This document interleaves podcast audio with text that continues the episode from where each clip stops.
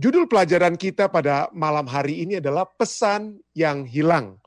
Pesan yang hilang. Jadi ada yang sudah dinyatakan semula tapi kemudian kita lihat bagaimana pesan itu berangsur-angsur berubah dan kemudian apa ya? hilang. Mari kita baca ya.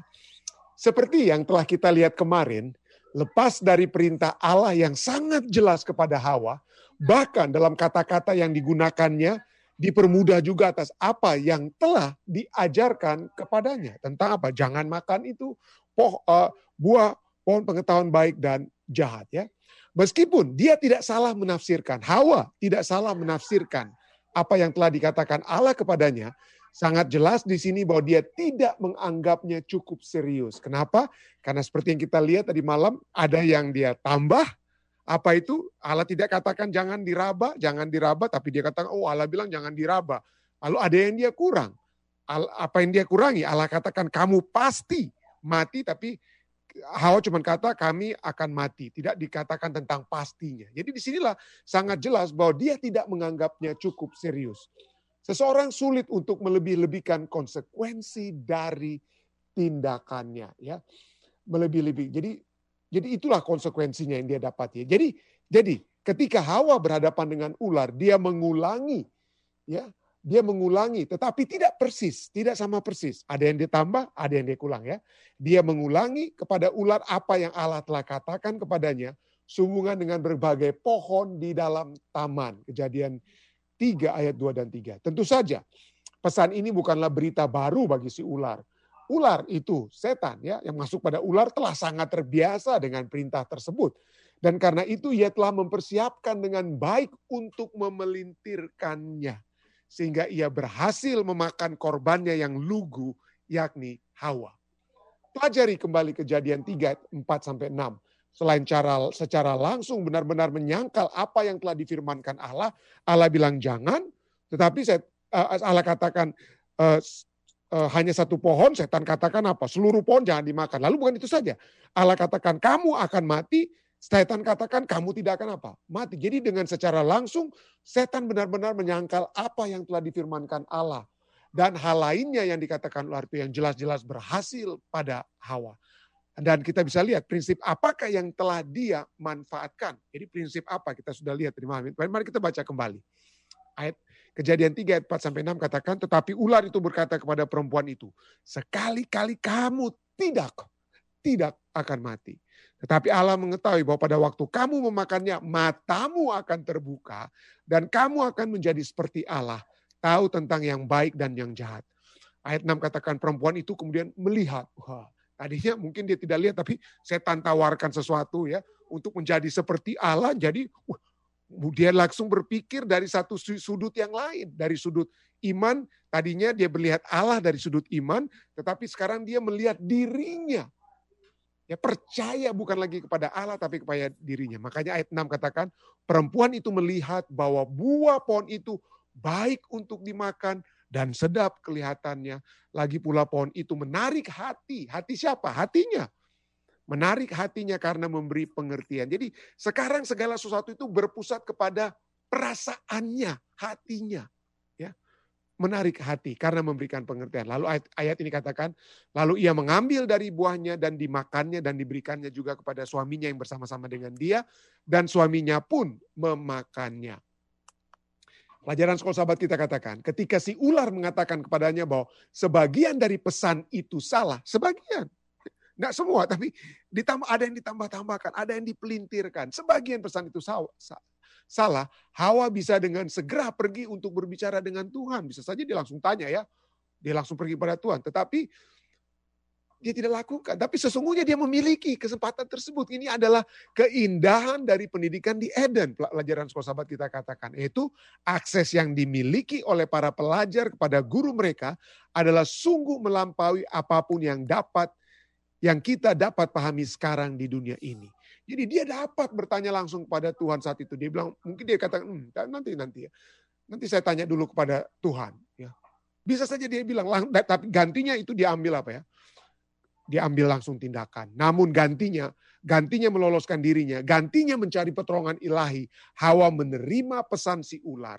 Penerimaannya atas pesan yang telah direvisi, dirubah sedikit dirubah sedikit, nggak banyak-banyak mungkin ya. Menuntunnya akan beberapa keraguan dari pihak Hawa tentang Tuhan dan apa yang telah difirmankannya kepada mereka. Ketika si ular mengatakan kepadanya bahwa sebagian dari pesan itu ya salah. Jadi dia mulai apa? Dia sudah langsung apa ya? Tertarik ya, memiliki keraguan atas revisi yang sudah sudah di sudah dibuat ya. Atas revisi yang sudah dibuat.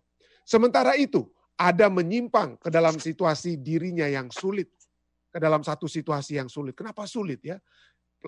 Eh, Ellen White dalam Alpha Omega jilid 1 halaman 52 berkata, menuliskan, ada mengerti bahwa pasangannya itu telah melanggar perintah Allah. Mengabaikan satu-satunya larangan yang telah dihadapkan kepada mereka sebagai satu alat penguji akan kesetiaan dan kasih mereka. Di dalam pikirannya terjadi satu pergumulan yang sangat hebat. Dia menyesal bahwa dia telah membiarkan Hawa pergi dari sisinya. Tetapi kini hal itu telah terjadi. Ia harus berpisah dengan dari dia, dari Hawa. Dengan siapa pergaulannya telah membahagiakannya. Bagaimana ia dapat berpikir demikian. Jadi dengan kata lain, Adam tidak sanggup berpikir untuk berpisah dari Hawa. Dia dia pikir, aduh bagaimana saya dapat berpisah dari pasangan saya. Ya, Sayangnya, pelajaran sahabat kita katakan sayangnya meski mengetahui yang benar dari yang salah, Adam juga memilih melakukan hal yang keliru.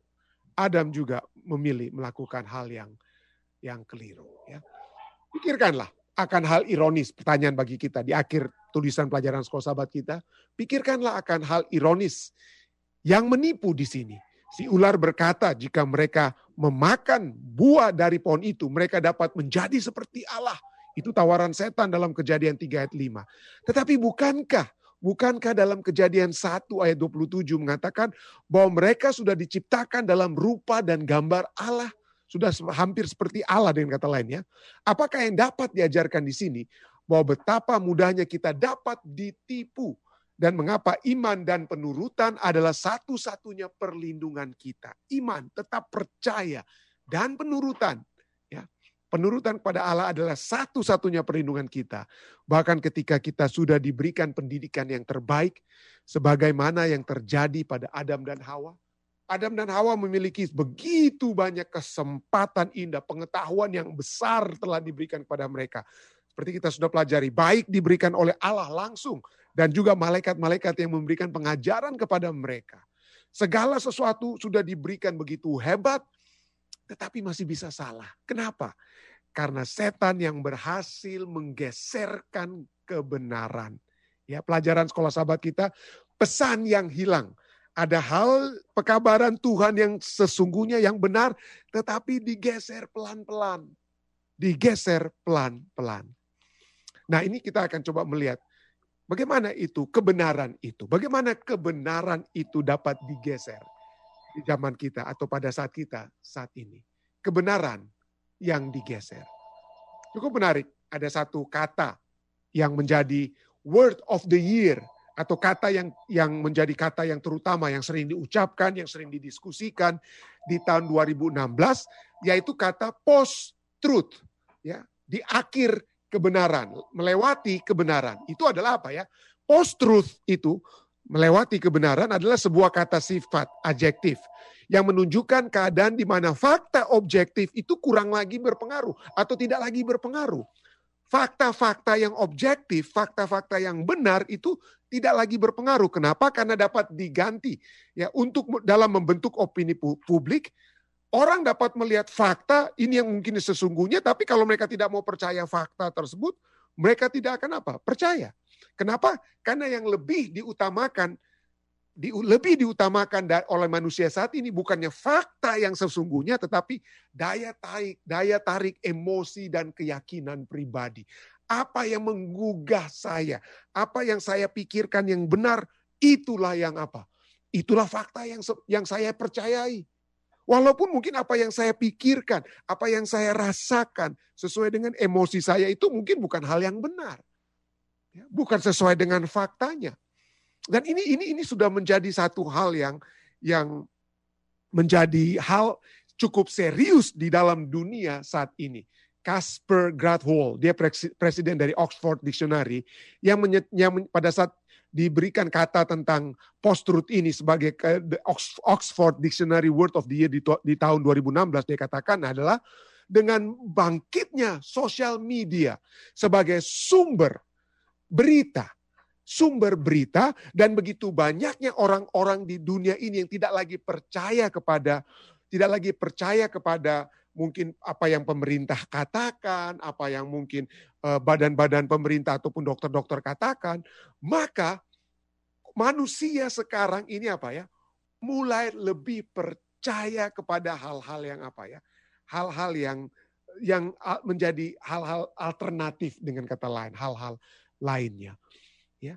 Jadi begitu banyak kita lihat di dalam dunia saat ini, orang-orang yang bukan lagi ambil beritanya itu mungkin dari Kompas yang dulu waktu zaman saya masih kecil ya koran-koran itu wah itu sudah benar apa yang dikatakan oleh pemerintah lalu dikabarkan oleh Kompas sering kali kita oh itulah minimal itu sudah adalah faktanya tetapi sekarang orang bilang eh, belum tentu belum tentu apa yang dilaporkan Kompas ataupun ya mungkin banyak orang sekarang melihat apa yang kita bisa baca di Facebook Ah, itu yang benar. Bagaimana Anda tahu kebenaran ini? Oh, kita ada lihat di Facebook. Oh, saya lihat itu di Facebook. Itu yang sering kali kita lihat ya. Orang-orang berkata seperti itu. Dan apa yang dikatakan adalah oleh sebab eh, pemerintah pun kadang-kadang salah dalam memberikan guidelines di Amerika Serikat pada permulaan permulaan apa ya? Permulaan pandemi coronavirus. CDC, Center of Disease Control di Amerika katakan, oh nggak perlu pakai masker tidak perlu pakai masker. Nah ini memang lalu kemudian direvisi ya saat ini diri. Tapi itulah oleh sebab kesalahan sesaat dengan kata lain CDC Badan Pemerintah katakan tidak perlu pakai masker. Kenapa mereka katakan waktu itu? Oleh sebab mereka mau supaya masker-masker itu tidak keberkekurangan di rumah sakit. Jadi mereka bilang seperti itu supaya orang kalau di Amerika ini orang bilang harus pakai masker, waduh bisa-bisa orang-orang penduduk Amerika beli semua masker sampai di rumah sakit tidak ada lagi masker. Jadi itulah alasan kenapa CDC pada mulanya itu dalam tanda kutip berbohong. Ya. Menyatakan tidak perlu, masker itu tidak perlu. Tetapi sekarang dikatakan oh perlu. Jadi oleh sebab hal-hal inilah maka orang tidak lagi banyak percaya kepada sumber utama berita-berita tersebut. Jadi yang yang menjadi yang menjadi utama adalah perasaan perasaan-perasaan kita daripada fakta. Kalau kita rasa, ah ini benar nih, saya rasa ini benar nih. Maka itu kita rasa, jadi itu kita jadikan apa? Menjadi satu kebenaran. Maka kita dengar istilah alternatif facts. Ya, fakta alternatif. Ya, fakta alternatif. Ada yang katakan, oh faktanya ini adalah jam tangan. Ya, faktanya ini adalah jam tangan. Ada bisa saja orang katakan, oh ini bukan jam tangan. Ini ini ini ini ini adalah untuk lihat uh, mungkin komputer atau apalah yang dapat kita lihat di sini, gambar dan lain sebagainya, tapi bukan jam tangan. Jadi fakta itu dapat menjadi sepertinya fakta itu dapat menjadi berbeda-beda. Misalnya kalau zaman dulu ya, misalnya saya melanggar, saya seorang pendeta. Saya seorang pendeta lalu saya istilahnya jatuh, saya melanggar ya, jatuh dalam hukum ketujuh. Maka yang dapat terjadi ya mungkin saya akui apalagi kalau ada sudah ada saksi ya, ada ada saksi saksi yang katakan oh ya pendeta rantung ini sudah jatuh misalnya ya. Maka tidak ada pilihan lain selain saya mungkin minta maaf, selalu saya mengundurkan diri dari posisi saya sebagai pendeta. Tetapi saat ini belum tentu. Begitu ada orang yang yang berkata, oh pendeta rantung saya lihat bikin ini, ah itu fake news. Saya bisa katakan dia itu adalah apa ya? Fake news. Kabar yang apa? kabar yang palsu diberitakan. Jadi saya bisa berbohong atau apa dan dan ini, ini yang yang sedang begitu hebat terjadi saat ini ya. Cukup menarik ada satu buku yang uh, sementara istri saya baca dan saya sudah baca sedikit ya, tapi saya akan habiskan. Judulnya adalah Post Truth yang seperti yang Oxford Dictionary ini katakan ya. Yang mana bahwa bahwa uh, hal-hal yang benar pada saat ini dapat diselewengkan dapat diubah, dapat di, di, dipelintir seperti pelajaran sekolah sahabat. Contohnya, sering kali kita lihat di Facebook, ada ada saat ini foto ya, foto-foto di Facebook. Kan kalau walaupun berita kalau saya bilang, oh pendeta rantung, uh, pendeta rantung ini uh, saya lihat ini melanggar hukum ketujuh. Nah, saya bisa katakan nah, itu ngomong hanya apa yang dia katakan, tapi ya, tapi yang yang faktanya yang saya katakan. Jadi dengan kata lain, saya bisa apa? Kalau kata siapa perkataan siapa yang mau dipercaya itu dapat menjadi satu peperangan ya dengan kata lain. Tetapi kita pikir, oh pendeta saya bukan hanya saya bukan hanya punya bukti melalui apa yang orang bilang. Ini ada ini ada fotonya. Ini ada fotonya, ya. Ini ada fotonya yang kelakuan pendeta. Nah, tahukah Anda saat ini ada begitu banyak foto-foto yang beredar di Facebook yang di crop istilahnya ya. Jadi saat ini misalnya ada ada satu foto yang menyatakan ada salah satu calon presiden di Amerika Serikat ini waktu ditanya untuk interview dia lagi tertidur. Jadi beredarlah foto itu untuk menyatakan bahwa calon presiden Amerika Serikat ini sudah terlalu tua, dia sudah nggak punya lagi semangat untuk memimpin, dia cuma waktu di interview saja dia cuma tidur-tidur. Ternyata apa yang terjadi? Itu interviewnya betul. Tetapi pada saat betul ada orang yang tertidur sedang diinterview, tetapi foto itu dirubah. Jadi buk, itu yang sesungguhnya terjadi bukan si calon presiden Amerika Serikat yang tertidur waktu di interview, tapi ada orang lain yang tertidur, tetapi yang terjadi kemudian foto ini dia crop, diambil mukanya, dipindahkanlah wajah tubuh daripada seorang apa calon presiden Amerika Serikat dan ditaruh di situ. Jadi orang bilang, oh ini betul, saya lihat gambarnya di Facebook. Saya lihat gambarnya di Facebook. Nah, bukan hanya itu saja, saudara. Ada lagi yang satu metode deepfakes nama atau apa istilahnya ya. Saat ini saya lagi saya lagi bicara seperti kepada Anda. Ada videonya, saya bicara dengan Anda ya. Tapi gantinya misalnya saya berkata Allah itu kasih. Itu yang keluar. Orang bisa merubah apa yang kata yang keluar dari mulut saya itu menjadi berbeda. Bukannya saya bilang Allah itu kasih, tapi kita kita bisa saja orang bisa buat keluarnya itu kata itu adalah Allah itu jahat. Jadi itu bisa dibuat. Suaranya sepertinya mereka bisa buat dengan teknologi sekarang. Suara saya yang keluar, tapi kata saya yang kasih itu hilang dan dirubah menjadi jahat. Jadi inilah yang sedang terjadi. Yang menyebabkan begitu banyak berita-berita yang menjadi apa ya? Kacau balau. Kita tidak bisa mengetahui mana yang benar, mana yang tidak benar. Dan itu kita sudah pelajari tadi malam. Sudah mulai di mana? Di Taman Eden. Allah sudah kasih Allah sudah katakan pastilah engkau apa? Mati, Hawa rubah.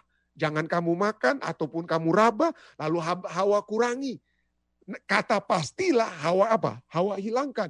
Dan begitu masuk ke setan, setan lebih bukan lagi dia dia apa? Dia ganti ya dia dia crop. Apa yang Tuhan bilang itu setan crop. Sekali-kali kamu tidak akan apa? Mati. Lalu kemudian apa yang setan tawarkan? Feeling ya. Perasaan yang enak bagi Hawa yaitu apa? Kamu akan matamu akan terbuka dan kamu akan menjadi seperti Allah. Jadi seperti kita sudah pelajari tadi malam bahwa setan untuk menarik orang kepada setan, setan tidak langsung secara langsung Setan tidak secara langsung meminta kita untuk menyembah dia. Tidak. Caranya kita menyembah setan adalah melalui pengantara. Dan pengantara untuk menyembah setan adalah diri kita sendiri. Kita menyembah diri kita dan pada saat kita menyembah diri kita sendiri gantinya menyembah Allah, kita sudah tidak kita sudah tidak lagi berada di sisi Allah, tetapi sudah berada di sisi setan. Dan itulah yang terjadi adanya persan yang hilang, pergeseran apa? Pergeseran kebenaran yang setan sudah apa? Setan sudah buat. Tapi Yesus berkata, inilah sebabnya takut akan Tuhan itu adalah permulaan hikmat. Pendidikan itu harus dimulaikan dengan takut akan Tuhan. Pendidikan itu harus berdasarkan apa? Firman Tuhan ya. Firman Tuhan itu harus menjadi dasar dari segala ilmu pengetahuan kita. Kenapa? Karena Yesus yang berkata dalam Yohanes 14 ayat 6. Kata Yesus kepadanya, kepada Simon ya, akulah jalan dan kebenaran dan hidup. Tidak ada seorang pun yang datang kepada Bapa kalau tidak melalui aku. Bahasa Inggrisnya lebih hebat lagi ya. Jesus said to him, I am the way, the truth, and the life. Ada kata definite article. Apa itu definite article atau the? Artinya aku adalah satu-satunya kebenaran. Jadi pada saat Yesus berkata, aku adalah satu-satunya kebenaran, itu tidak membuka kesempatan kepada alternatif facts. fakta-fakta apa ya, sampingan atau fakta fakta lain yang fakta yang berdasarkan perasaan saya, fakta yang berdasarkan apa yang pemimpin negara katakan, pemimpin negara yang saya sukai. Tidak. Kita tidak sedang berbicara bagi Tuhan tidak ada itu alternatif facts. Tidak ada fakta apa, kebenaran saingan atau kebenaran yang di pihak lain atau kebenaran lain. Hanya ada satu apa? Hanya ada satu kebenaran. Tetapi itulah umat manusia ya kepada kita diamarkan ya untuk mencapai Efesus 4 ayat 13 sampai 14 katakan marilah kita mencapai apa ya kesatuan iman dan pengetahuan yang benar tentang anak Allah. Kenapa? Karena anak Allah itu adalah the truth. Anak Allah. Jadi pengetahuan kita harus menuntun kita kepada Yesus. Kalau apa yang kita pelajari di sekolah tidak menuntun kita kepada Yesus, maka kita tidak memiliki kedewasaan iman, kesatuan iman. Kita tidak memiliki apa? Ya, pengetahuan yang benar tentang anak Allah, kedewasaan yang penuh, dan tingkat pertumbuhan yang sesuai dengan kepenuhan Kristus. Kita harus dibawa kepada the truth, Yesus Kristus, anak Allah. Sehingga ayat 14, ini penting sekali juga. Sehingga kita bukan lagi anak-anak yang diombang-ambingkan oleh rupa-rupa angin pengajaran Seringkali orang tanya, pendeta ini beritanya betul enggak? Kenapa saudara? Kenapa saudari? Ya karena saya lihat di Facebook. Oh ya, kamu dengar di Facebook bagaimana? Status orang, oh enggak. Saya lihat ada fotonya. Ada yang katakan, oh saya lihat ada videonya. Ya sering kali kita diombang-ambingkan dengan rupa-rupa pengajaran yang seakan-akan benar. Di mata kita, kita sudah bisa lihat seperti Hawa. Sedap, enak untuk dimakan. Tapi kita tidak lihat konsekuensinya. Ya, kita tidak lihat konsekuensinya. Jadi hati-hatilah. Karena kita di akhir zaman ini khususnya akan diombang-ambingkan oleh rupa-rupa angin pengajaran, oleh permainan palsu manusia dalam kelicikan mereka yang menyesatkan. Ya. Pada saat mungkin saya melakukan pelanggaran, lalu saya berbohong dan saya katakan, Oh, saya tidak melanggar. Jangan percaya itu orang itu, itu gambarnya itu salah, videonya itu salah, saudara-saudara.